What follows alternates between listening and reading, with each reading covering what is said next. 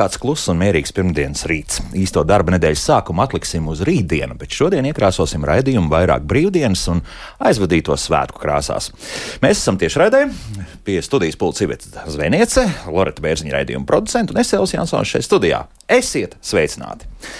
Par ko tad šodien raidījumā? Latvijā turpina augt mairažotāju skaits, un iespējams drīzā nākotnē tādu varētu būt jau virs diviem tūkstošiem.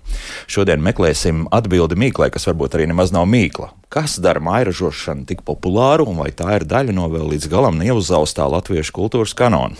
Šie jautājumi, protams, nākamās stundas laikā tiks tirzāti noteikti. Man ir daudz viesu šodien, un tas, protams, priecē. Zemnieku saimniecības zutiņi saimniece Rūta Bērota, sveicināti! Rūta, jums laikam arī jāapsveic, jūs esat šī gada sēja balvas ieguvēja ģimenes lauku sētā, tāda kategorija. Ko tas nozīmē, varbūt drusciņi tur pāris vārdos? Nu, tas nozīmē laikam tādu ļoti, ļoti lielu atzinību mums kā ģimenei, kas dzīvo un strādā laukos. Mums pašiem tas bija varbūt pārsteigums un ļoti, ļoti negaidīti, bet mēs katrā ziņā par to esam ļoti priecīgi. Protams, un mēs pievienojamies un vēlreiz apsveicam. Un arī nākotnē vēl kādu, varbūt balvu nopelnīt, jā, kā citā kategorijā. Kas zina, kas zina. Kooperatīvās sabiedrības Latvijas lielops vadītāja Alma Bērziņa. Sveicināta, Alma. Labrīt. Tad jūs esat mairažotāji vai tomēr nu, kooperatīvās sabiedrība, tas jau nozīmē, ka tur ir daudz saimnieku kopā un tas jau varbūt valk jau uz tādu lielāku lauksaimniecību? Nu, uz tādu lielāku jau ražošanu, laikam, jā. Nu, mēs, mēs esam apvienojušies kā, kā saimniecības, kas uzsāka kā mairažotāji un tagad jau mēģinam darīt regulārāk un mazliet lielākos apjomos. Mm, bet joprojām kaut kas jums tur notiek. Mm, jā, jā. jā, tā nav gluži, ka viss atmests. Mazjūras zvejnieku biedrības priekšsēdētājs zvejnieks Andris Cīrulis. Labdien! Andrej, bet es skatos, ka jūs tajā biedrībā tur arī no dižūras kāds piedalās. Jā, mūsu biedrībā ir apvienojušies zvejnieki no visas piekrastes. Tas ir no Liepais līdz Skultei, Kuivišiem. Un arī daži iekšējā ūdeņa zvejnieki ir mūsu biedrībā. Tie praktiski visi ir tie, kas ķer zivs Latvijas cilvēkiem. Un paši arī visu un dara? Vai? Jā, ir ļoti dažādi, bet pārsvarā jā, tie visi pārsvarā ir mārēžotāji lielais vairums, kas savu zivu pārstrādā un nogādā līdz patērētājiem. Mm -hmm. Un šīs biedrības cieši saistīts cilvēks Iveta Thompsone, Latvijas lauku konsultācijas centra pārstāvis. Sveicināti! Sveiki! Tad lauku, lauku, Latvijas lauku konsultāciju centrs, principā, tur tādas rūpes par, par, par, arī par mairažotājiem. Nu, ja? Pilnīgi noteikti to var teikt, jo mēs varam lepoties ar to, ka Latvijas lauku konsultāciju izglītības centrs ir izveidojis tādu zīmolu, kas saucas Novda Garša, kas apvieno ļoti daudz. Tur jau, man liekas, jau pārpa tūkstoti noteikti ir tie ražotāji. Un ir arī izveidots Novda Garša e-tirgus, kur arī ik viens cilvēks, iedzīvotājs var arī iegādāties arī tiešsaistē, nu, sev vēlamo pārtiku, ko ražo mairažotāji un ne tikai mairažotāji. Tas nozīmē, ka mairažotājs nav gluži tā, ka sēž savā mājā un gaida, ka kāds atbrauks. Viss notiek uh, tā, kā tas normālajā lielajā Iet, pasaulē notiek. Ja teiktu, pamēģināt. jā, bet tomēr varbūt uh, pavisam iesākumā mairažotājs. Es pieļauju, ka ne visi mūsu radioklausītāji uzreiz saprot, par ko īsti ir runa. Tad uh, šeit mēs strikti nodalām. Tātad viss, kas ir saistīts ar pārtikas ražošanu, tas ir mairažotājs. Teiksim, ja tu sāc taisīt, pieņemsim, zirga iemauktas, tas jau būs amatnieks. amatnieks, ja? amatnieks. Tā ir. Ja? Visi māju galvu.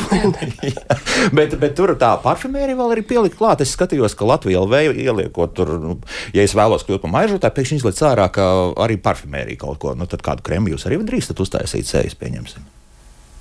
Kā tur ir? Vai neesat pat interesējušies? Jā, vai to var darīt? Godīgi sakot, nav dzirdēts, ka kosmētika arī iet pie maižotāju. Aha produkcijas. No, nu, labi, tad, tad, tad tos arī atstāsim pagaidām, lai, lai runāsim par, par savām lietām. Kāpēc mēs šodien esam šeit? Jo Rūta, nu, faktiski Facebookā, ja tā var teikt, nāca tādu uzsaukumu novembra sākumā, kur bija rakstīti šādi vārdi. Vai ir tavos spēkos vienu mēnesi ēst Latvijas produktus? Citrons saistāt ar cidonijām, banāns ar āboliem, čijā sēklas ar kaņepēm, svežzem batāts ar mūsu pašu riekstu ķirbiem, rīsus ar grūbām, savā svētku galdā sarkanbalti dekorēt nevis burratu ar čibatu, bet cepeti ar kāpostiem, zirņus ar speķi, varbūt pankūks ar dzērveņu zapti. Šāds uzsaukums novembris sākumā skaidrs. Novembris ir mūsu svētku mēnesis. Vai nevajadzētu tomēr to darīt no novembra līdz decembrim, līdz Ziemassvētkiem? Rūt, kā tur ir? es teiktu, ka to vajadzētu darīt ne tikai no novembra līdz decembrim, bet no janvāra līdz janvārim. Jā. Uh, visu gadu. Savu iespēju robežās. Un es šeit noteikti neesmu domājusi tādas ļoti dziļas galējības, kā nu, viss tagad, ja, ja pēkšņi. Ja pēkšņi kaut kas no mūsu ļoti iemīļota produkta ir no citām zemēm nācis, tad viss mēs to griežam kā ar nāzi nos, nebūtu nē. Bet šis ir tāds. Uh, Šis bija mums aicinājums gluži vienkārši nedaudz uz to lietu pastīties mazliet dziļāk. Jo ir ļoti skaisti piesprāst vienkārši sarkanbalto lentīti, nodekorēt kaut ko sarkanbaltu un teikt, ka es esmu Latvijas patriots. Bet mazliet pielikt pūles, iepērkoties, piedomājot pie tā, ko es pērku, un, kā jau es minēju, arī to savu ērtību aizstāt ar vērtību tas jau mēdz būt eh, krietni grūtāk, un cik bieži mēs izvēlamies to mazliet grūtāko ceļu. Nu, piemēram, ja mēs neatrodam Latvijas ābolu lielveikalā, nu, tad mēģināt aiz, aizsoļot līdz tirdziņam, vai ja mēs neatrodam Latvijas pienu. Nu, tad varbūt aiziet uz citu lielveikalu, kas to piedāvāja, vai atkal nu, paskatīties, iespējams, ka tepat sētā kāds to pienu pievada klāt. Vienkārši ir konkrētā dienā, konkrētā laikā jānoiet lejā. Nu, šis uzsaukums mums bija vienkārši ar vēlmi. Kaut vai šobrīd, kad mēs par to Latviju novembrī tomēr piedomājam vairāk un cenšamies, cenšamies uh, izdomāt visādas aktivitātes un kā tad mums būt patriotiskākiem, šī ir viena ļoti laba un ļoti liela un tāda, kas uh, palīdzētu lielai daļai sabiedrības un arī valsts. Jo mēs jau varam sēdēt un čīkstēt par to, ai cik grūti um, kā mums tur varbūt kaut kur neiet, vai kaut ko pērk mazāk, vai kādi mēs esam. Bet tāpat laikā, ja mēs paskatāmies, pameklējam, es ticu, ka ļoti daudz šī mēneša laikā būs raduši sev daudzas jaunas atklāsmes, atklājuši jaunus produktus, jaunus ražotājus, jaunus cilvēkus. Kas tepat blakus kaut ko dara, kaut ko mēģina, rada garšīgas lietas, inovatīvas lietas. Uh, Nu, man šķiet, šis mēnesis ir kā reiz tas, kad mazliet pameklēt. Bet nu, to decembrī arī es domāju, ka liekam klāt. Jā, decembrī liekam klāt. Decembrī liekam klāt, jo galu galā tas ir vēl viens ļoti skaists latviešu mēnesis, kas ir mums Ziemassvētki, jaunais gads. Un, kad arī dzen, mēs varam censties to svētku galdu vairāk piepildīt ar Latvijas produktiem. Bet, kā jau es teicu, es ļoti ceru, ka šis mēģinājums novedīs gan pie labām atklāsmēm, gan arī pie labām praksēm visā nākamā gada garumā. Mm -hmm. Kā meklēt vislabākais to informāciju un kā saprast? Jo pirmais, nu, vienmēr jau gadīsies tā, ka kāds uzrakstīs skeptiķis par to, ka mēs jau arī nezinām, kas tas mažražotājs tāds īsti ir, no kurienes tas viss nāca. Un beigās ir radās, lūk, ka tās smukās žāvētās vistiņas patiesībā ir no polijas, nu, labi žāvētas tepat uz vietas. Jā. Ir kaut kādi parametri, pēc kā mēs varam pateikt, ka tas tiešām ir mūsējais no, no punkta A līdz punktam B, respektīvi no tās dobes līdz, līdz pat uh, patērētājiem. Es pieņemu, ka dažādas pārtikas schēmas, kas mums uz to norāda, bet patiesībā jau, uh, nu, ja tas ir kaut vai daļēji, nu, kaut vai daļēji tapis un kāds pie tā ir pielicis savus pūles, pat Latvijā, tad tas ir. Tas jau ir vērtīgi. Un, man šķiet, ka vien blakus meklēšanai, Google un, un, un, un, un citādākiem variantiem ir viens. Vēl viens ļoti interesants veids, kā mēs varam atklāt tos mājražotājus. Mēs varam atklāt lepojoties. Nu, proti, tad, kad es esmu atradzis uh, rekordu foršu, garšīgu žāvētu vistiņu, tad es tajā Facebookā arī saku, rekur pie Jāņa jā, tās atsauksmes ir daudz un smukas, vai ne? Mm -hmm. Un, un cilvēki arī piedomā, kā to visu atnest mājās, tā smuki salikt un nofotografēt, lai, lai visi var redzēt un, un patiesībā lepojas. Jā, oh.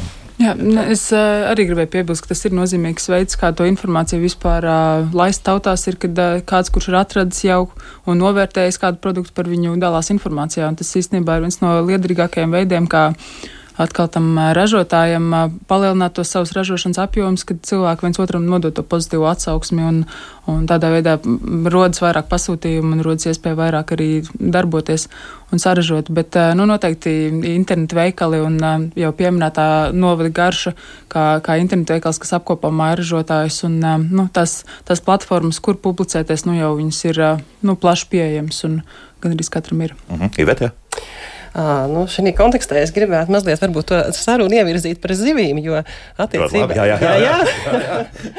jo, jo vairāk vai mazāk, ja mēs nu, tos tradicionālos Latvijas produktus, mēs zinām maize, rūtas pieminētie visi graudaugu produkti, arī dārzeņa augļi, pupas un visi pārējie gaļa lieliski. Es gribētu teikt, ka mums ir lieliski lielopu gaļa, ko mēs spējam Latvijā izaudzēt, tikai vajag atrast pareizos, pareizos audzētājus, kas arī māk viņu gatavināt, lai tā, lai steiks uz pannes nesanāktu ciets. Uh, bet ar zivīm ir situācija diezgan tāda interesanta, es gribētu teikt, jo, ja jūs, ja es jums uzdot jautājumu, nu, uh, kas ir Latvijas tradicionālās zivis, ko mēs ikdienā redzam, piemēram, tirdziņos? Hmm. Nu, nēģi noteikti būs. Jā, Sis, jā. jā. rozā. jā. Tad, jā. Tad sākam uzmanīties. Jā, tas ir rozā. Sākam uzmanīties. Sākam uzmanīties, vai tas ir rozā. Jā, jā nu šeit nu, es gribētu tomēr, lai Andris bišķiņ papildina, jo Jā. tas stāsts nav tik vienkārši, jo, jo, jo tirdziņos mēs neredzam gluži tos Latvijas tradicionālās Diemžēl, jā. Nu, tāpēc arī mēs veidojam to biedrību, lai, lai principā Latvijas cilvēks informētu īsti, kas ir vietējā zivs, kādā, piemēram, sezonas laikā, kur zivs ir kvalitatīvākā. Tieši kad viņi sasniedz to, to, to momentu, kad viņi vislabākā ir. Tas ir sākot ar lūcīti, parastā rēņģa un dažādas zivs. Ir eh, piekrastes zivs, ir ūdeņa, ir Iekšējā ūdenī. iekšūdeņa zivs. Jā. Un mēs vēl gribam strādāt pie tā, lai cilvēks saprastu, kas ir vietējais, kādā laikā viņš visgaršīgākais ir un kur viņa reāli dabūt labā kvalitātē. Tagad tiek izstrādāts eh, ar Zemkopības ministrijas sadarbībā ar Ārēju institūtu un Mazjūras zvejnieku biedrību marketinga programmu, kas ir domāta piekrastes zvejniecības vispār saglabāšanai, jo Latvija gājusi nedaudz savādāk ceļu kā kaimiņu valsts, un mazie piekrastes zvejnieki nu, ir kā ir. Bet gan tagad viss tas mainās, viss ir normāli, sāk palikt. Un mēs gribam rīkot konkrētus pasākumus par konkrētām zivs sugām, par viņu ķeršanas veidu, mēslu klasītiem, ar, nu, ar apstrādi reāli kopā pavāru, pavāriem kaut kādiem labiem. Lai Latvijas cilvēki zinātu, kas ir vietējā zivs.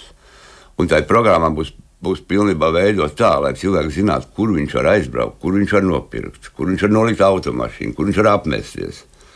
Zvejnieki gatavi Latvijas cilvēkiem rādīt, kā tās zivs tiek zvejot. Realitātē, uz vietas. Ar kādiem rīkiem, kuras zivs tiek zvejot. Es domāju, ka cilvēkiem tas būs interesanti. Jo Latvijas ir, ir Latvija jūras valsts, un zvejniekiem šeit krastos ir jābūt, un Latvijas cilvēkiem arī zivī ir jābūt pieejamam, iespēju robežās. Un kur šādas meistarklases eh, notiks? Viņas notiks gar jūru pie reāliem zvejniekiem, Jā. gar jūras piekrastes, kur ir zvejnieku Sēm. saimniecības, kas pārstāv 90% no atlikušiem piekrastes zvejniekiem. Tie ir paudžu zvejnieki, kas ir daudzās paudzēs. Tur nekas no malas nav ienācis. Un otrs tās saimniecības, jau tagad zvejniekus mēs arī iedrošinām. Ir jau kas jau pamazā veido to. Bet ir daudziem, kam tā ticība īstenībā nav bijusi, kas jau ir pazudusi ticība. Viņi sāk atgriezties.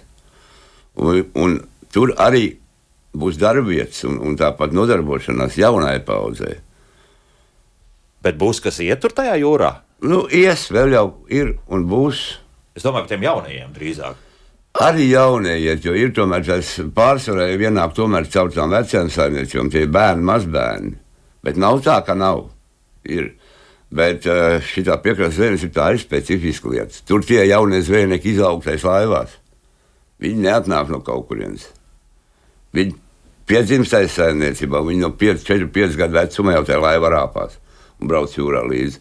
Un arī viss tās zinī, zināšanas un gudrības tās nāk paudzēm līdzi. Mēs darīsim to, lai, lai, lai zvejnieki būtu Latvijā un lai arī Latvijas cilvēkiem būtu zivs.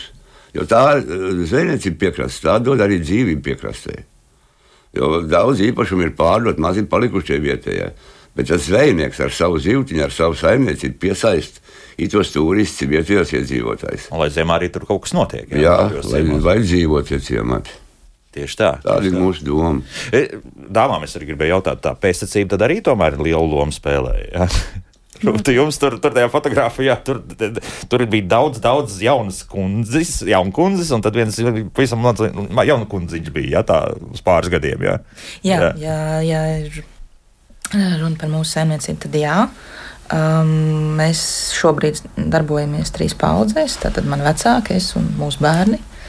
Un, protams, kas ir ļoti svarīgi, jo tas ir vienīgais veids, kā nodot zināšanas, zināšanas tālāk par to, ko tu dari. Jo mēs jau varam iedomāties, ka nu, atnākt, apsēsties un teikt, es audzēšu vai es, es gatavošu un viss notiek. Nu, tas nav tik viegli kā izaudzināt to, to savu zemnieku pašam. Es domāju, ka attiecībā uz tas, tas attiecās uz visām jomām, ne tikai uz graudkopību, kāds varbūt ir mums, bet arī uz lopkopību. Mm -hmm, jā, jā, bet es uh, gribētu arī papildināt, ka noteikti tā pēcībai ir liela nozīme un arī vispār tā saimniecība turpināšana un, un jēgas redzēšana, tā viss tas ir tajās paudzēs. Bet, uh, um, mūsu gadījumā es tomēr gribētu arī teikt, ka liela nozīme ir tiem cilvēkiem no ārpus nozars ārpus tās pamat lauksainiecības, kas ienes to pievienoto vērtību, kas, kas novērtē to produktu, ko katrs saimnieks savā sētā saražo un māk viņu um, pielietot, un māk par viņu stāstīt, un māk no viņa pagatavot to gardo mm, maltīti, piemēram. Nu, jo mūsu gadījumā lielops kā kā, kā nu, latviešu tradīcijās nesoša gaļa, nu, esoša, bet nu, ar, ar sarežģītībām, tad tas, tā, tas tāds viens no gaļas veidiem, kur ir vajadzīgas zināšanas un ir vajadzīgi šefpavāri vai, vai miesnieki vai nu, šie visi cilvēki, kas zina tālāk, ko iesākt ar to, ko tas saimnieks savā sētā ir izdarījis. Tā kā nav ar, ar ģimenes darbu jau arī tas nevar tā, tā kārtīgi aiziet tautās un turpināties. Nu, Galu galā tur pēc tam arī vajag visus mārketinga speciālistus, IT speciālistus un vispār, kas sasniedz to pilsētas cilvēku. Un tā, tas viss ir gara ķēde un viens otram ir uh, vajadzīgs un uh, papildinošs. Bet uh, nu, jā, tas, tas, ka paudžu turpināšana, tas ir tāds pirmais pamats un tad tam visam vēl ir veidojas. Jāaudzē tomēr kaut kas vēl klāt, jā, jo, mhm. proti, man jau likās, nu kas tad tur, nu, no, no vienas puses es neapskaužu, tas, jūs pavisam arī vakar, ja nemaldos, tad tirdziņš bija, jā? Jā, jā. Tad, tad tā, tas no sākuma tu tur audzē, un pēc tam vēl dodies salt vēl kādus pāris stundas tajā tirgu, kamēr no tās pupas tad, tad viss arī sapērk. Ja? Bet tā jau arī. Nu, tāda ir šī brīža tā saimniekošanas un arī mājražošanas būtība. Tas vairs nevienu brīdi nav tā, ka es izaudzēju, un tad varbūt man kāds atbrauc uz saimniecību, visu paņēma, un man par to tālāk nebija jādomā. Jā. Šobrīd ir tā, ka tu izaudzē, tu pārstrādā, un tad nākamais solis tu jau stāst un māci, kā to visu apēst. Un šeit varbūt, ja mēs mazliet uz galējībām. Mm. Tomēr pavēlkam, tad ir modernā, nu, ne modernā, bet varbūt tāda modīga gaļas ēšanas tendence, kur ir ļoti ērti un viegli piesaistīt varbūt viedokļu līderus, kas to pagatavo steiku un ir gatavi jebkurā tirdziņā uzcept foršu steiku un ar to lepoties. Bet mūsu gadījumā ir ļoti grūti atrast tādu viedokļu līderi, kas būtu gatavs uzvārīt bukstiņu putru un ar to lepoties. Tiešām? Jā. Nu, tas atkal vairs nav tik Bet, stilīgi. Folkloras un visā šajā Latvijas nu, vērtību. Un, nu, ja, ja folkloras pasaulē ir, ir šie līderi, kur atkal jāatrod vienkārši mm -hmm. īstie cilvēki. Bet man liekas, ka ar to tā Latvija ir tik bagāta ar tām ļoti dažādām kopienām, un katram ir savi redzējumi un pārliecības, bet viņas visas ir, un tās kopienas ļoti dažādas ir, un man liekas, tas ir ārkārtīgi skaisti, ka no kādas mazākas kopienas tā, tā, tā balss aizplūst uz, uz pilsētu vidi pie cilvēkiem atkal ar, nu, ar to stāstu, kas ir kas, un mm. mums tas viss ir pieejams. Bet tas pilsētnieks ir tas galvenais patērētājs šobrīd, vai, vai mēs tā nevaram teikt, ka, ka tagad, nu, tas rīznieks ir tas, kas, kas to mājražotāju produkciju būs. Rīznieks ir tas turīgākais. Tomēr, jā. Tas nu, turīgākais. Stat, statistika jau tomēr par tiem 50% latviešu, kas ir Rīgā, nu, to, to nevar uh, ignorēt. Ignorēt, jā, nu, tā tas, tas arī notiek. Fakts, jā. Viss, jā. Mm. Jā, Ivar, jā. Es tikai gribēju piebilst, ka mm, interesanti, ka Rūtai un, un, un Almai teiksim, tā, šie te produkti ir tādi, nu, kurus ir jāpārdod tirdziņos. Uh, atkal gribu pieminēt pie zivīm. Uh, šeit ir tā situācija pilnīgi radikāli pretēji, gan arī izvēle, jo tās zivis ir tik maz, ka tie cilvēki à. paši brauc meklēt. Zvejnieki maz. jā. Jā, tad, tad zivs vēl pietiks. Jā mazjūrā. Tā, tā. Principā es saku, ka Latvijas valsts ir gājusi citu, citu politiku nedaudz. Mums ir visus šos gadus pārsvarā akcents likts uz uh, lieliem zivju uzņēmumiem, lielām ostām. Un, un mazie tieši tie mazie piekrastes zvejnieki, kas tīri katru, katru zivu, ko noķer mazais zvejnieks, tas aiziet cilvēku pārtikai. pārtikai. Tas ir bijis palicis kaut kur novārtē. Jo to cik palikuši zvejnieki pa piekrasti. Piemēram, konkrēti viens piemērs. Lucijas zvejo un kūpiņi ne vairāk kā desmit cilvēku pa visu piekrasti. NV. Jā, tā ir realitāte. Un uh, tas pieprasījums ir ti- tik liels, ka mēs pilnībā nodrošināt nevaram. Bet tā pašā laikā ir kaut kāda perioda, kad mums tā ziva ir vairāk. Jā. Un atkal mēs un tagad mēģinām nodibināt to konceptu cilvēkiem, lai, lai taisbrīžos tās zivs aiziet atkal līdz cilvēkiem. Jo es uzskatu, ka, piemēram, labi, ka tomēr viss tā kvalitatīvākā zivs, es runāju tieši par mazajiem vi- ka viņi nopērkam pie, pie, pie zvejnieka mājas vai, vai, vai tiešajos tirdziņos. Jo tomēr zivs ir zivs. Ja viņas tiek sasaldētas, viņai nav. Viņi ir garšīgi, viņi varbūt ēdami, bet viņi vēl nav vairs tā, kas viņiem ir svaigs. Bet, ja jūs no tās laivas kā iebraucat iekšā, tā uzreiz kupināt, tieši iekšā, jā, tieši pavisam tā. kaut kas cits, jā. Mēs arī mums ir piemēram plānā tāpat veidot kaut kādu sadarbību ar zvejniekiem, lai veidot kaut kādu internetu veikalu, atsevišķi kaut kādu tieši, tieši, tieši mūsu konkrēta mūsu, mūsu zīmi, kur, kur būs prasības, ka būtu jā, vienmēr jābūt kvalitātei pirmā vietā. Jo zvejnieki maz mums ir bijis kā atsevišķs stāsts. Ir daudz, diezgan daudz, kas jau strādā prin, principā ar ievestēm jā, bet tieši ar vietējo tīri ir pamaz jau. Bet tas nozīmē, tā, ka tas rīznieks nu, ja ir pietiekami slinks un nebrauks līdz tam jūrmālas ciemam. Tad vienīgā iespēja, kā viņam tikt pie šī lucīša, būs restorānā. Tad tā sanāk. Nē, pie restorāna viņš Lucīt arī nedabūs kūpināt. Restorānos viņi nav. Būs jābrauc, un cilvēki brauc. Es, es strīdēšos. Nē, nu, Reņģis tagad uh, daudz. Reņģis, jā, es runāju tieši par kūpināt Lucīt. Jā, es sapratu, jā, jā. Tad arī tas restorānā nebūs. Jā. Mums ir jāpaklausās vēl arī šajā stundā divi stāsti. Uh, nu, ja tā var teikt, jūsu kolēģi, šajā gadījumā Daina Zalamana ir paciemojusies divās vietās. Un no sākuma mēs paklausīsimies uh, par uh, mairažotāju Simonu Ģermanu, kur jau septiņas gadus savā virtuvē cep četru veidu maizi ar dažādām piedevām. Svētkos Simona cep īpašu svētku maizi, un Daina Zalamana viņa sagaidīja ar maizes klaipu sarkanu balss sarkanā krāsā.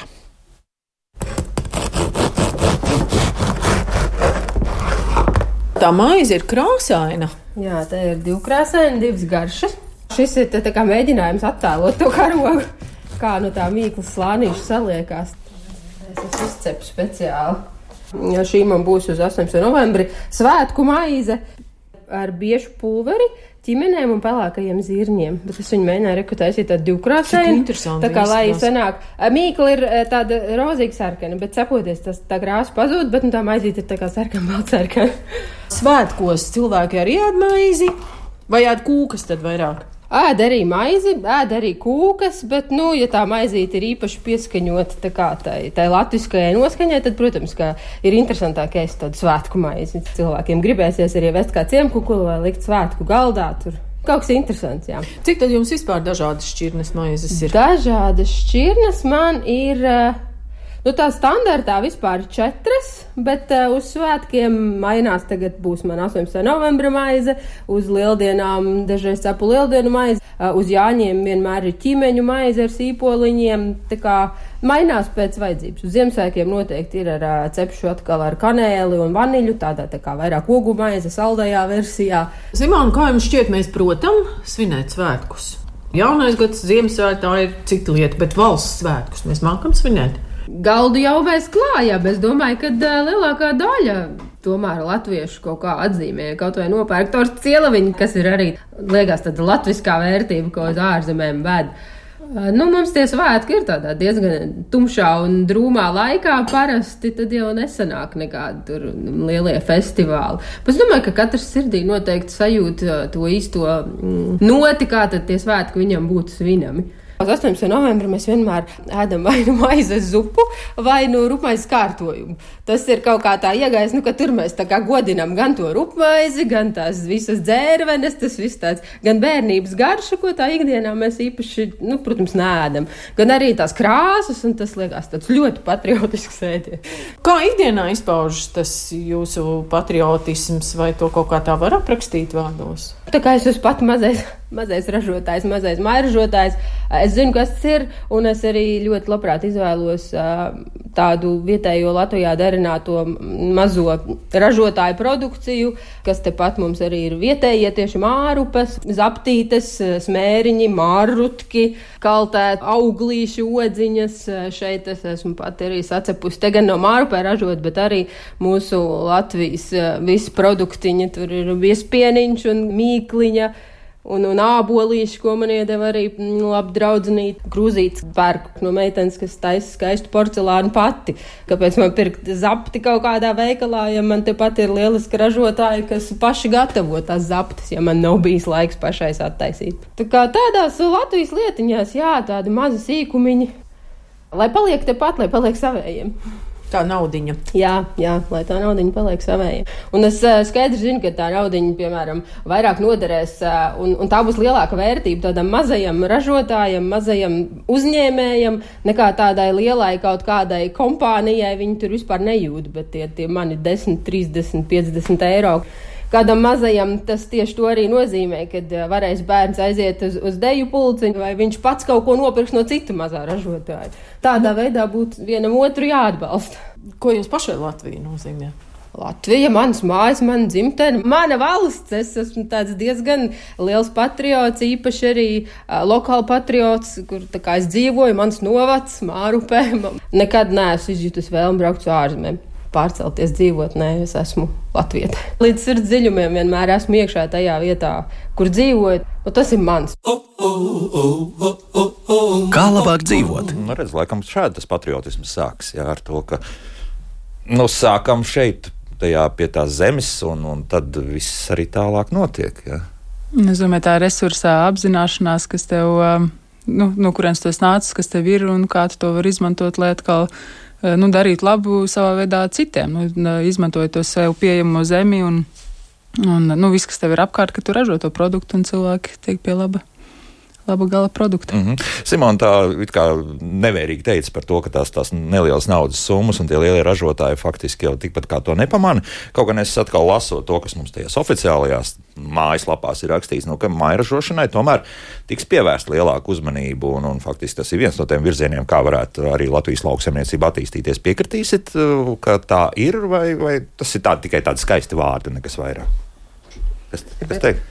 Jā, Principā pat Eiropas komisija uzsver, es runāšu tieši par zvejniekiem. Nu, tas arī ir par mārēšotiem, bet, bet sakarā ar zilo ekonomiku, principā sevišķs akcents tiek likts tieši uz mazo piekrastes zvejniecību, mazapjomu piekrastes zvejniecību, kas tiek uzskatīts un kas arī realitāte ir, drau, vidē visdraudzīgākā, ilgspējīgākā nozara.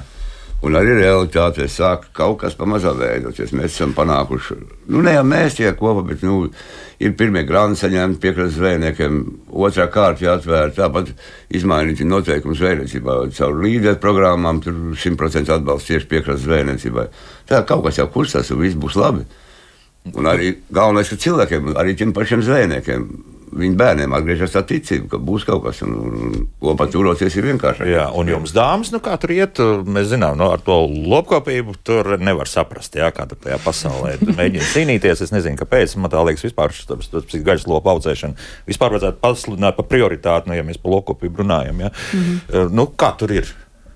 Nē, nē, nu, viss jau notiek. Es domāju, ka jebkurš, kurš gribēs darīt, atradīs veidu, kā darīt. Un uh, tas, ka tiek atbalstīti mazie, nu, es to pati redzu kā tādu pirmo soli uz, nu, Latvijā jau vispār tā ražošana kā tāda ir tāda mazatīstīta padarīšana. Nu, tomēr, kā, ja? nu, tomēr tie eksporti, nu, īpaši mūsu nozarē, noteikti eksports ir uh, pamatirgus uh, visam, kas tiek uh, lopkopībā saražots. Un, uh, un tā, tas mājražotājs ir tāds pirmais solis, kad vispirms tajos, nu, ne gluži mājas apstākļos, bet nu, tajā mazajā savas ģimenes apjomā iesāc. Un ir jau, protams, tā cerība vienmēr, ka tas mājražotājs augs par Uh, nu, par, par jau lielu ražotāju. Ne, ne jau visi uz to tiecās, un ne visi tur arī nonāk, bet ir citi, kuriem tas uh, izdodas un arī izaug par lieliem uh, ražotājiem. Un tas jau ir tas vienkārši tāds pirmais etaps, ar kuru sākt. Tomēr tas ir pirmais etaps, nevis palikt apmēram tā. Nu, nu, skaidrs viens, nu, ka varam augt, bet varam arī palikt nu, pie tā ganāmpulka, cik, nu, viņas, palikt, cik jums tur ir tie tās galvas tagad? Nē, nu, mums kooperatīvā kopumā ir mm, pārī tūkstots. Oho, pie diviem tūkstošiem. Mēs esam 13 saimniecības kopā. Jā, jā, jā. Uh, bet, um, mm, Nu, mūsu gadījumā nav, mūsu kooperatīva stāsts jau nav par tieši arī to pašu lopkopību, jo lopkopība ir, nu, tā ir pamata lauksaimniecība, bet kur mēs esam kā liekam tajā maražotāja sadaļā ir ar to gaļas vakumošanu un pārdošanu un nu, gala produktu radīšanu. Un uh, gaļā, gaļas sakarā tas vispār ir ļoti sarežģīti, jo tad uh, nu, sadals cehs un, uh, un kautu un viss tas tam jābūt certificētam. To nevar katrs savā pagalmā, kuru katru brīdi izdarīt. Tas, uh, nu, tas nav tik vienkārši. Strikti noteikumi, jā. Jā, bet nu, kopīgi darot, mēs domājam, ka to, to visu var paveikt un tas ir izdarāms. Jā. Mm -hmm, jā. Rūta? Man jau vispār šķiet, ka nu, gan man kā zemniecei, ka zeme ir tas burvīgais resurss, un zeme un lauki ir tas burvīgais resurss, kas tevi spēj izaudzināt par to, kas vien tu vēlies būt. Un mairažošana ir, ir, ir kā burvīga daļa no tā, jo nu, kur vēl būs iespēja pamēģināt šitas, vai tas man patīk, vai tas manam pircējam patīk, izmēģināt vienu, otru, trešo virzienu un nonākt pie tā, kas ir tavs un no tā audzēt tālāk. Jo nu, tad tik kārtīgi biznesa, ja ir tāda vēlme. Ja ne, nu, tad izveidot, izveidot mazu ražošanu, kas apmierina tavus vēlmes un ļauj tev dzīvot laukos tā man šķiet ir tā burvīgā lieta tieši māja ražošanā, ka ir iespēja izmēģināt savus spēkus dažādos virzienos. Jo nu, dibināt uzreiz lielu uzņēmumu, kas zina, ar ko nodarbosies, tur mārketinga plāni un viss, viss arī tā var. Bet tur tas risks ir daudz lielāks nekā izmēģināt uh, savus spēkus, nezinu, zaptīt svārīšanā. Sanāk, ja iepatīkās, nu ko, nu, ar laiku spilvē konkurence. Mm -hmm. Tad faktiski mairažošana ir tādi divi lieli virzieni. Viens tas ir sākums kaut kam, ja? un otrs ir, kur stabils varētu teikt, pat ģimeniskas vērtības, kur mēs varam, mēs zinām savu apjomu, ko mēs spējam apstrādāt un ar to arī strādājam. Ja? Es gribētu teikt, ka patiesībā Latvijai ir vajadzīga pilnīgi noteikti mājražotāji, jo viņi ir tie, kas arī saglabā tās tradīcijas, sākot ar zaptītēm un beidzot ar kūpinātām zivīm, bet, bet pilnīgi noteikti mēs nevaram iztikt arī pēc liela, bez lielās ražošanas, lai gan mēs salīdzinamies, ka, teiksim, globālā kontekstā vai Eiropas kontekstā tie mūsu lielie uzņēmumi, tādi mazie, nu, tādi protams, maziņi jā, jau vien ir, bet savukārt tie ir tie, kas savukārt nodrošina arī to pašu zemnieka iespēju pārdot tos savus graudus vai gaļu vai nu, ko nu, izaudzēt lielākos apjomos, arī nopelnīt. Un, ja ir veiksmīgs eksports, arī valstī no tā nāk labums. Tā kā nu, viss ir vajadzīgs. Mm, bet nu, tā pieaugušā līkne, ka mairažotāji paliek vairāk, tas ir, var pieļaut vienu, tas ir legalizācija no vienas puses. Tieši tā, Jā? tieši tā jo ļoti daudzi. Es zinu, ka arī mums pašiem arī saistībā ar, tieši ar, ar zvejniekiem ir vienmēr bijis tāds bailes, un tas PVD atbrauks te mūsu. Tagad, nu, nu, viņam viss būs slikti un tagad un negrib un negrib. Bet tad, kad paši pamēģina un tiešām ar, ar, ar um, pārtiks veterināro dienestu uh, notiek komunikācija, tad viņi ļoti pārsteigti, ka tas viss ir tomēr tik vienkārši izdarāms. Es gribētu teikt, šī gadījumā, ka, ka tā, tā, mm, tas, tas stāsts, kas kādreiz bija, ka nu, tagad visu aiztaisīs ciet un nekas nedrīkst būt, un kā tur, kā, nu, kad, kad tās ražotnes izskatās briesmīgas un nezinu kāds, tā vairs nav. Jo PVD ir gatavs konsultēt, un viņi atnāk un pastāsta, kas ir vajadzīgs. Un, ja ir viss kārtībā, tad vēl uzsit uz pleca un pasaktu, malāts, tad tik strādā un turpina. Tā kā, jā, es, jā, jā, jā, jā, tieši tā, tā kā. Tā, kā. tā. Jā, Andrija. Jā. Tā ir arī zvejniekiem. Principā vienkārši viņi dzīvo savā, savā pasaulē un, un, un, un iestāde dzīvoja savā. Un, un mēs esam tagad kā starpnieki, kas aiznes to līdz zvejniekiem, kas viņus iedrošina, kas viņiem izstāsta. Ja ir kaut kas labojams, kaut kur nepieciešams, mēs cīnāmies, lai to izlabotu. Un viss notiekas, un, un, un, un, būs, un, un attīstīsies vairāk. Es arī absolūti varu pievienoties attiecībā uz labajiem vārdiem par pārtiks veterināro dienestu un par to, ka nav jābaidās no šīm kontrolēšanām institūcijām. Jo arī mums ir vislabākā pieredze tieši par to, ka tiek konsultēts un gluži vairāk iedrošināts arī darīt, ka, nu, klau, labi, tu to dari vienu lietu, dari, bet tu taču vēl vari pieķert šito, šito, šito.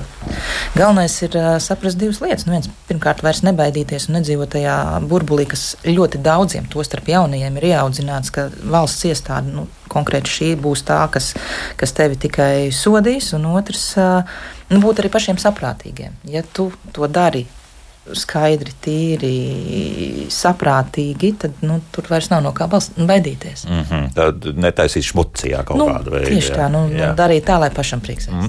Mums raksta radioklausītāji, un tāpēc es domāju, ka nedaudz mūzikas mums netraucēs raidījumā, jo ļausim tad arī visiem tiem, kas varbūt uzmanīgi šobrīd klausās, tad arī Eh, šobrīd eh, arī uzrakstīt tās pāris minūtes, viņiem atstāsim, un pēc tam atgriezīsimies jau šajā studijā, lasīsim gan tas, kas mājaslapā, gan arī kādu tālruņa zvanu uzklausīsim. Bet tas pēc trīs ar pus minūtēm. Kā labāk dzīvot? Jā, šodien raidījumā mēs runājam par Latvijas mairažotājiem. Šeit studijā zemnieku saimniecības zutiņi saimniece Rūta Beirote, kooperatīvās sabiedrības Latvijas lielopas vadītāja Alma Bērziņa, Andris Cīrulis, kurš uh, faktiski pārstāv mazjūras zvejnieku biedrības, bet tās biedrības arī priekšsēdētājs un arī pats zvejnieks. Jā, un, un kad pēdējo reizi tad ar tīklu ir iets tagad? Vakar rītā izvilka kaut ko laukā. Jau. Ko tad izvilkās? Bija ļoti švaki, jo principā, mums jau liela pozies un roņa nodara, bet labi, nesūdzēsimies šoreiz, jo tie apēdi. Padomājiet paši, ja Baltijas jūrā un līdzi ir ap 60 tūkstoši uzskaitīto roņu, un ja viens diennaktī apēda 10 kg zivs, tad jūs paši saprotiet. Tas ir viens faktors, kāds viņi saplēš tīklus. Bet, nu, pietiek sūdzīt, sūdzēties, mēs dzīvojam. Tā tas ir, jā, un tā tas ir vienmēr gandrīz ir bijis, jā, jo tie jau šeit ir dzīvojuši. Un Latvijas lauka konsultāciju centra pārstāv Iveta Thompsona šeit studijā, un, nu, uzklausīsim arī kādu radioklausītāju, kurš mūs ilgi gaidīs. Lūdzu, jūs varat runāt. Jā, labrīt. Labrīt. Latvijas valsts svētkus. Paldies! Piekto dzimšanas dienu visiem studiju viesiem. Un man ir jautājums. Mēs dzīvojam mazā pilsētiņā Zemgalē, mums uh, ik pa laikam ko, konkrētās uh, nedēļas dienās brauc autoveikaliņi. Gan zivis kūpināts pārdod svaigas, gan gaļas kūpinājums, svaigus, uh, maizi tāpatās. Un man tagad jautājums māj- mājražotājiem. Ko jūs visi darat, bet atbildiet godīgi. Ko jūs visi pēc tam darat ar to produkciju, kura paliek pāri, kas netiek Aha. pārdota, teiksim, 3 Šajos stundu tirdziņos, jā. Labi, labi, labi. Nu, labi, no labi. Tāda aspekta, bet Jā. godīgi pasakāt. Godīgi, jā. pieņemsim- Tā, jā, labi. Nu, jums nekāda problēma nav, Rūti, jā? Mums stāv. konkrēti mūsu ģimenē ražotajai produkcijai nav. Bet, Jā. ja kaut kas ā, mūsu gadījumā paliek pāri, tad mums ir sadarbība ļoti laba ar kaimiņiem, kuriem ir vistas.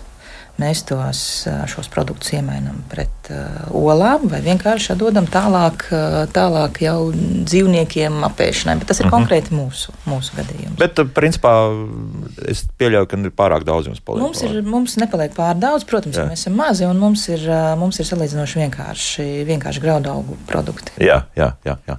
Nu, mūsu gadījumā, kad mēs braucam izbraukumos, tad uh, mums gaļa ir vakumā fasēta un uh, ir produkcija, kas arī ir saldēta. un Mums trēleri ir gan leduskapis, gan saldētava. Uh, nevarētu teikt, ka, pal, nu, ka paliktu pāri, bet, ja ir tā, ka tā, tā tieši vakumā fasētā svaigā gaļa paliek no izbraukuma, tad viņa vai nu tiek pārdota kādam, kur mēs zinām, ka kādai ģimenei parasti ir aktuāli uz nedēļas nogalu nopirkt, vai uh, paši sev mēs esam 13 saimnieki, kuri savā starpā arī mēdz iegādāties pašu savu produkciju, nu, un tad, uh, tad tas tiek izdalīts tiem, kuriem tas tajā brīdī ir aktuāli. Vienvārds sakot, nekas pār nepaliek. Jā, Jā. jā. Nu, Andrim jau jautāt, vispār nebūtu jēgas. Es saprotu, jā, ka Ja, nu, mūsu apjomiem, principā, reāli, nu, tieši kas paši zvejo, viņi jau redz, kad aizbrauc. Uz zvejnieku tirdziņiem ir, kad brauc, protams. Jā. Bet nu, tur pār, pārsvarā nepaliek nekas. Un, ja arī kaut kas paliek, tad aizbrauc mājās ar to kaimiņiem tāpat. Vai, vai piemēram, arī nu, pārējiem mēs, piemēram, kūpinām, tur ir kaut kādas, kaut kādas eh, atkritumi, zinām, nāk no zivīm. Tur ir vai nu līgums ar mednieku kolektīvu, kur tiek aiziet oficiāli, kas aiziet atkal, nu, dabiskā aprīt, aiziet meža dzīvniekiem, tur barībai vai, vai, vai, vai. Tā kā mums tur tā, tā problēma mums Bet nepastāv. tās noteikti nav nekādas milzīgas tonnas. Nu, nē, mums jau apjoms pats par sevi maziņš. Mēs, tas ir tie nav lielie uzņēmumi. Tieši tā. Jā. Nu, ko, paklausīsimies vēl vienu ierakstu. Šajā gadījumā dosimies mēs uz Siguldas pusi. Jānis Zilvers, augļkopības saimniecību Pīlāģa Siguldas novadā, izveidoja pirms 33 gadiem. Šobrīd saimniecībā strādā arī abi Jāņa dēli, un ar Jānu un viņa jaunāko dēlu Reini, kas vada Zilverta dzērienu darītavu, aprunājās, protams, Daina Zalamani. Kopā ar Jāni Zilveru un viņa jaunāko dēlu Reini dodamies uz noliktavu, kur glabājas āboli. Tā tūlīt nolikta beigsies, tad lielā kamera sāksies. Cik skaista ābolu smarža! Kas tad ir par šķirnēm? Ir augsts un dace. Kādi skaisti lieli āboli! Nu, šogad ir lieli padevušies tādēļ, ka bija raža maza pēc skaita, bet beigās sanāca tāda ciešama pēc eh, svara. Jo augļi sakarā ar salnām aizmetās mazāk, bet toties izauga lielāki, jo vasara bija gan silta, gan pēc tam arī augustā mitrums pietika. Tā kā āboli ir. Tad tie raži, tā kā šogad nav tik liela, tad mums lielākā daļa aiziet skolas auglim. Pieradinām mūsu jauno paudzi, bērnus jau no bērnu dārza un skolas vecuma, ka ir jāēd vietējais produkts un jāmīl vietējā garša.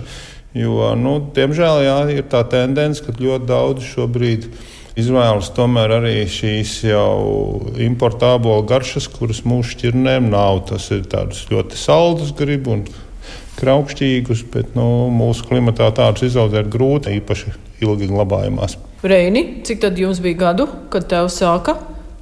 Trīs, četri gadi. Ir vēl bildes ar maziem kociņiem, kur es esmu bijis garāks par viņiem. Un kurus pagājušajā gadā jau, jau nogriezu, jo cik tur 28 gadi tam dārzam bija. Un...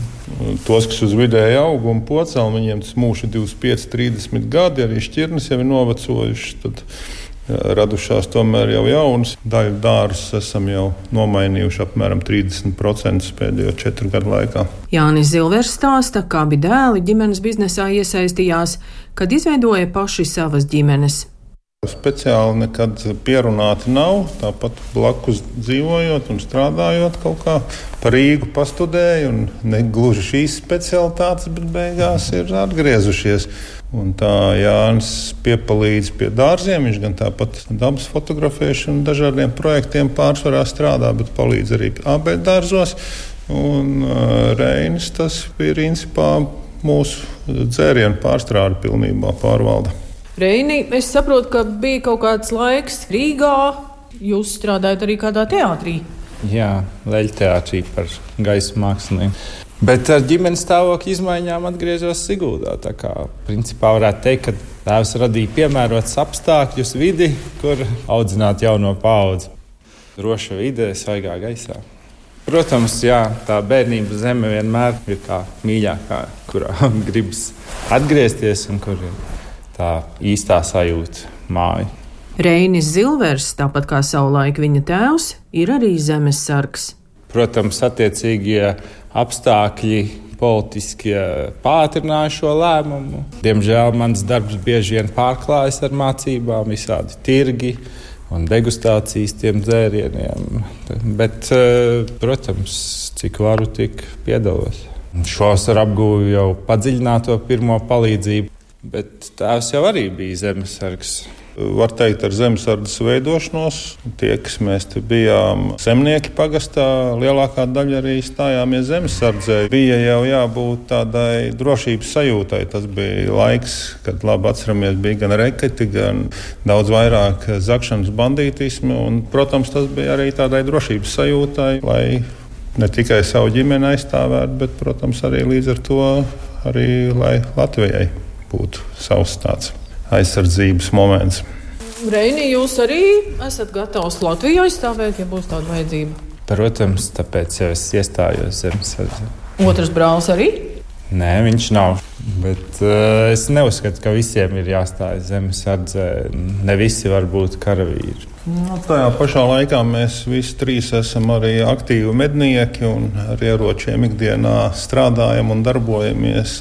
Es uzskatu, ka patiesībā katram vīrietim jāsaprot, kas ir ierocis un kā ar viņu rīkoties. Jūs paši sevi saucat par Latvijas patriotiem? Nu, noteikti, jo mēs esam šeit, strādājam šeit, attīstam savu lietu, ražojam produktu savējiem. Pa tēvu līniju. Pamatā gan vairāk ir cēlusies mūsu dzimta no Veselavas, ir cilskoks zināms jau divas paudzes pirms uzvārda došanas, un visu laiku tepat vidzemē esam dzīvojuši. Es šaubos, vai vispār kāds, kurš saimnieko uz zemes un ir zemnieks, nav patriots Latvijas. Tie, kas strādā ar zemi, tie, es uzskatu, visi ir patrioti.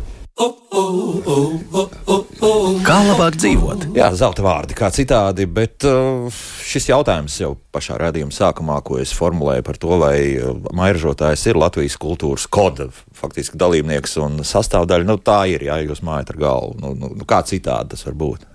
Būtiska sastāvdaļa lauku reģionos noteikti. Un arī kultūras nesējs un glabātājs. Jo viss zīmes, viss un pārējais jau nu, jūs tā zināt visu to, vai ne? Kā tas ir? Jā. vispār par šo jautājumu. Tikpat kā nav ir, cik ātri mēs atradām atbildi, vairāk arī pat nevajag neko runāt. Bet uh, drusciņi arī to, kas mājaslapā mums ir iesūtīts. Nu, um, Sandrs vēl tā, tā skeptisks par to, ka. Um, viņam tomēr viņš gribētu, nu, principā tā, tā viņa tā esence, to, ko viņš ir uzrakstījis, ka vajag arī lielveikalā, lai tas mairažotājs būtu. Nu, šur tur jau ir. Šur tur ir, bet, uh, bet uh, nu, ir jāsaprot, ka, ja mairažotājs, tad viņš strādā ar saviem resursiem, visbiežāk savus ģimenes resursiem. Tur ļoti bieži nav ļoti daudz piesaistītu strādnieku, un tā nav masu produkcija. Ja produkcija ir maza, tad no tās ir jāiz, jāizdzīvo ģimenei, un tai ļoti bieži ir laba, vai citreiz pie labas produkcijas ir augsta cena. Bet tā ir cena, lai šī ģimene izdzīvotu. Um, ja mēs to visu tālāk jau mēģinam virzīt ar uh, veikalu uzcenojumu, tad šī cena paliek jau nepievilcīga. Tad varbūt mēs arī nonākam pie tā, kas ir jautājums par pārtiks atkritumiem un tam līdzīgi. Tu jau vari veikalam iedot, bet uh, vai to būs gatavi pirkt, uh, pirkt uh, cilvēki? Un otrs ir par apjomiem. Uh, ja reiz mēs to sūtām uz veikalu, tad tam ir jābūt apjomiem nu, māja ražotājs nevelti ir mazāks ražotājs. Mm -hmm. Un tad mēs atgriežamies pie tā paša internetu veikala, kurš tad ir tas, kas varētu faktiski nu, regulēt tās attiecības starp pilsētnieku jā, un, un māja ražotāju. Jā, es gribētu teikt, ka internetu veikali kā tādi, un arī es skatāju novada gaišas e-tirgus ir, ir, ir ļoti interesants un vajadzīgs, bet es gribētu tomēr teikt citu lietu, kā arī liecina dažādas aptaujas, arī nesen kā LBTU, tas ir lauksaimniecības bijusi universitāte, ir veikusi veikusi aptauju cilvēkiem, ko viņi visvairāk pērk un kas viņiem visvairāk garšo un, un kādu viņi veic izvēles, tad, godīgi sakot, nu, tad pamata pamats tomēr ir tā cena. Es gribētu teikt, ka māražotāja produkts ir vienkārši izcils un tas būtu ikdienā lietojams, bet uh, ņemot vērā pirktspēju, es domāju, ka ir daudzi cilvēki, kuriem tas ir tāds gardēža uh, cienīgs izvēle, jā. izvēle jā, jo, jo tomēr to maizi ikdienā un pienu ikdienā viņš ies un, un izvēlēsies, diemžēl, to lētāko veikalā. Es Diemžēl. domāju, ka mēs šobrīd varam ļoti normāli formulēt to Latvijas nākotnes vīziju, lai mūsu ienākumi sasniedz mairažotāju faktiski šīs cenu nu, teiksim, pieejamību, jā, attiecīgi produktu. Nu, tā, tas būtu tas labais ceļš, uz ko iet. Jā. Ir vēl viens ļoti, ļoti labs, laba praksa, ko ļoti bieži un daudz piekopja ārzemēs, bet ko varētu arī mēs ieviest. Viens ir pirkt pie kaimiņa. Uh, proti, pirkt pie kaimiņa un Nevis tā, kā varbūt mēs esam raduši, raduši domāt, ka, ja reiz pie kaimiņa tur mums būs blaktiņš, tur mums būs atlaidīte, bet pirkt pie kaimiņa, uh, izmantot šo savu vietējo un atstāt viņam tā vietā, lai prasītu atlaidi mazu dzeram naudu. Vienīgais, lai tas kaimiņš tāds būtu. Tas īsās pārtikas ķēdes, jā. kas ir ļoti modernas un ilgspējīgas, kas netērē resursus, jā. vadājot produktu. Bet, ko, ko tiešām, piemēram, Vācijas zemnieki ļoti uzsver kā to, nu, kā, kā, kā, kā to vērtību. Šis ir no mana kaimiņa, un viņš to uzskata par godu, ka viņš, ka viņš iet un viņš to dara. Savukārt mums arī mazliet mainīt šo domāšanu. Nevis iet uz tirgu, lai kaulētos, un arī pirkt pie kaimiņa, maksājot pilnu cenu.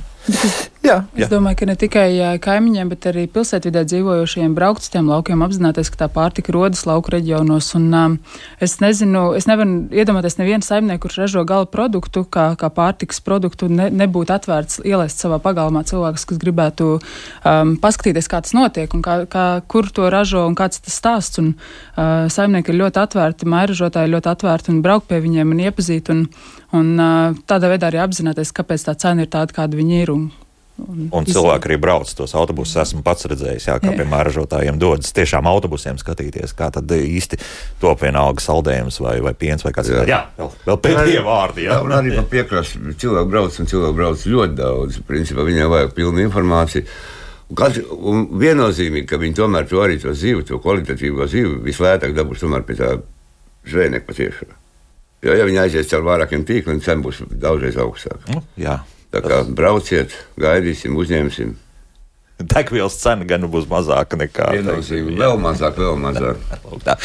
es noslēgšu ar Elīzes vārdiem. Paldies par raidījumu. Leposimies, mēs varam. Izvēlamies mūsu pārtiku garšīgi, veselīgi. Atbalstīsim savējos. Nu, tā jau tam visam vajadzētu strādāt. Ja? Visi pie, māja galva piekrīt. Šodien, šodien beidzam raidījumu. Vienkārši mēs varētu vēl turpināt runāt, vēl daudz lietas, ko vēl būtu jāizrunā. Bet eh, šodien saku paldies zemnieku saimniecības, zutiņu saimniecību saimniecei Rūtai Beirotai, kooperatīvās sabiedrības Latvijas lielopas vadītājai Almai Bērziņai. Uh, biedrības, kas apvieno vairāk nekā 50 piekrastes zvejniekus, mazjūras zvejnieku biedrības priekšsēdētājiem Andrim Cīrulim un Latvijas lauka konsultāciju centra pārstāvēji Ivetai Tomsonai par sarunu.